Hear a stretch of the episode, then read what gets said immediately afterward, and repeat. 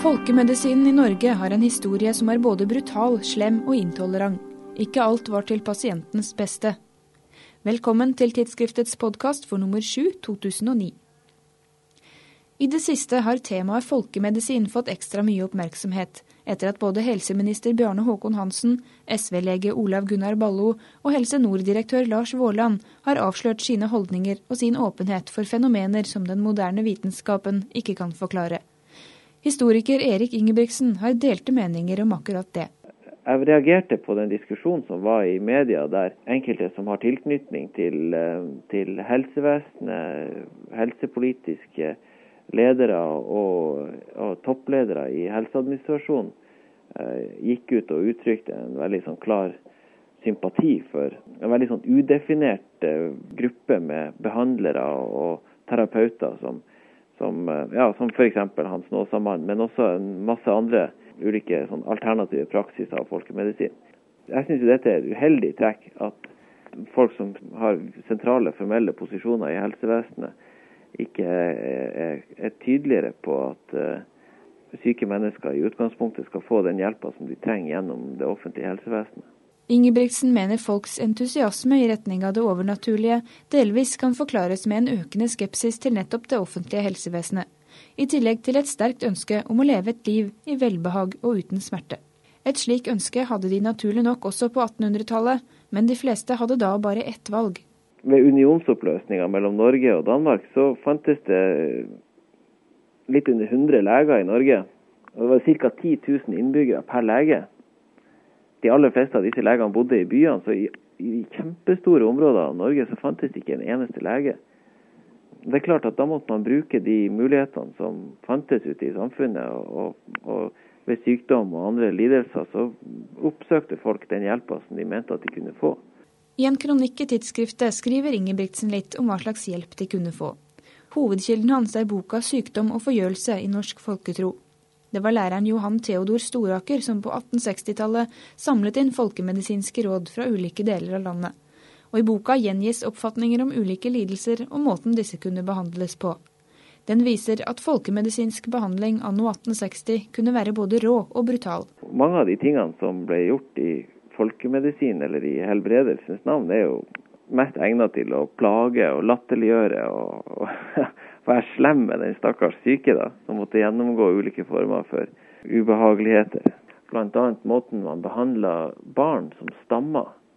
Det som jeg har trukket frem på den boka som jeg har brukt, er jo behandlinga fra eh, et sted i Nordland der man da skulle slå den som stamma over munnen med en levende fisk. Det var jo tross alt ikke like ille som på Leinstrand sør for Trondheim, der eh, det stakkars barnet som stamma da, skulle eh, tas med makt og stappes inn i, i buken på ei nyslakta ku. Så skulle man snøre buken igjen, og så skulle man lage denne stakkars ungen ligge der. Det står bare angitt at, man, at barnet skal ligge der en stund. Og det må jo ha vært fryktelig nifst. Og man kan tenke seg at hvis barnet fikk vite at den behandlinga fikk man fordi at man stamma, så kanskje det var best å bare holde kjeft. Jeg har trukket frem en del eksempler som viser hvordan det her med sykdomsforklaring knytta til uh, ulike typer fordommer. Og Det finnes en masse eksempler på dette i disse samlingene av folkemedisinske råd, spesielt knytta til tatere, omstreifere, finner, eller kvener som de eh, jo kalles, og eh, den samiske befolkninga. Her er forholdet ganske komplekst, fordi at både tatere og og samer ble ofte tillagt en helbredende kraft. Men eh, mange sykdommer, spesielt dyresykdommer, ble forklart med at det var samer som hadde kasta gann over dyret. Og det finnes en masse eksempler på at ved å, å plage samer på ulike måter, altså slå dem eller få dem til å blø eller den type ting, så kunne man bryte den trolldommen. Jeg har nevnt et eksempel fra Steigen, der man da sier at hvis man holder samen i nesen og slår han i nakken sånn at nesen knekker, så vil trolldommen brytes, og så vil dyret bli friskt. Altså, man, man, veldig mange av disse behandlingene må ha påført folk eh, ytterligere eh, helseproblemer. Der, der, er jo et råd om at man skal, hvis man får et rusk i øyet, så skal man eh, ta rusket bort med en kniv som er blitt brukt til å drepe noen med. Det må jo ha vært ganske skummelt å, å, å sitte der med øyet åpent og vente på at noen skulle pirke bort det der rusket med en sånn mordervåpen. Der er også, også en massevis av råd der det kommer tydelig frem at man i dette samfunnet ikke kjente til eh, smittekilder og ulike former for overføring av smittsomme sykdommer.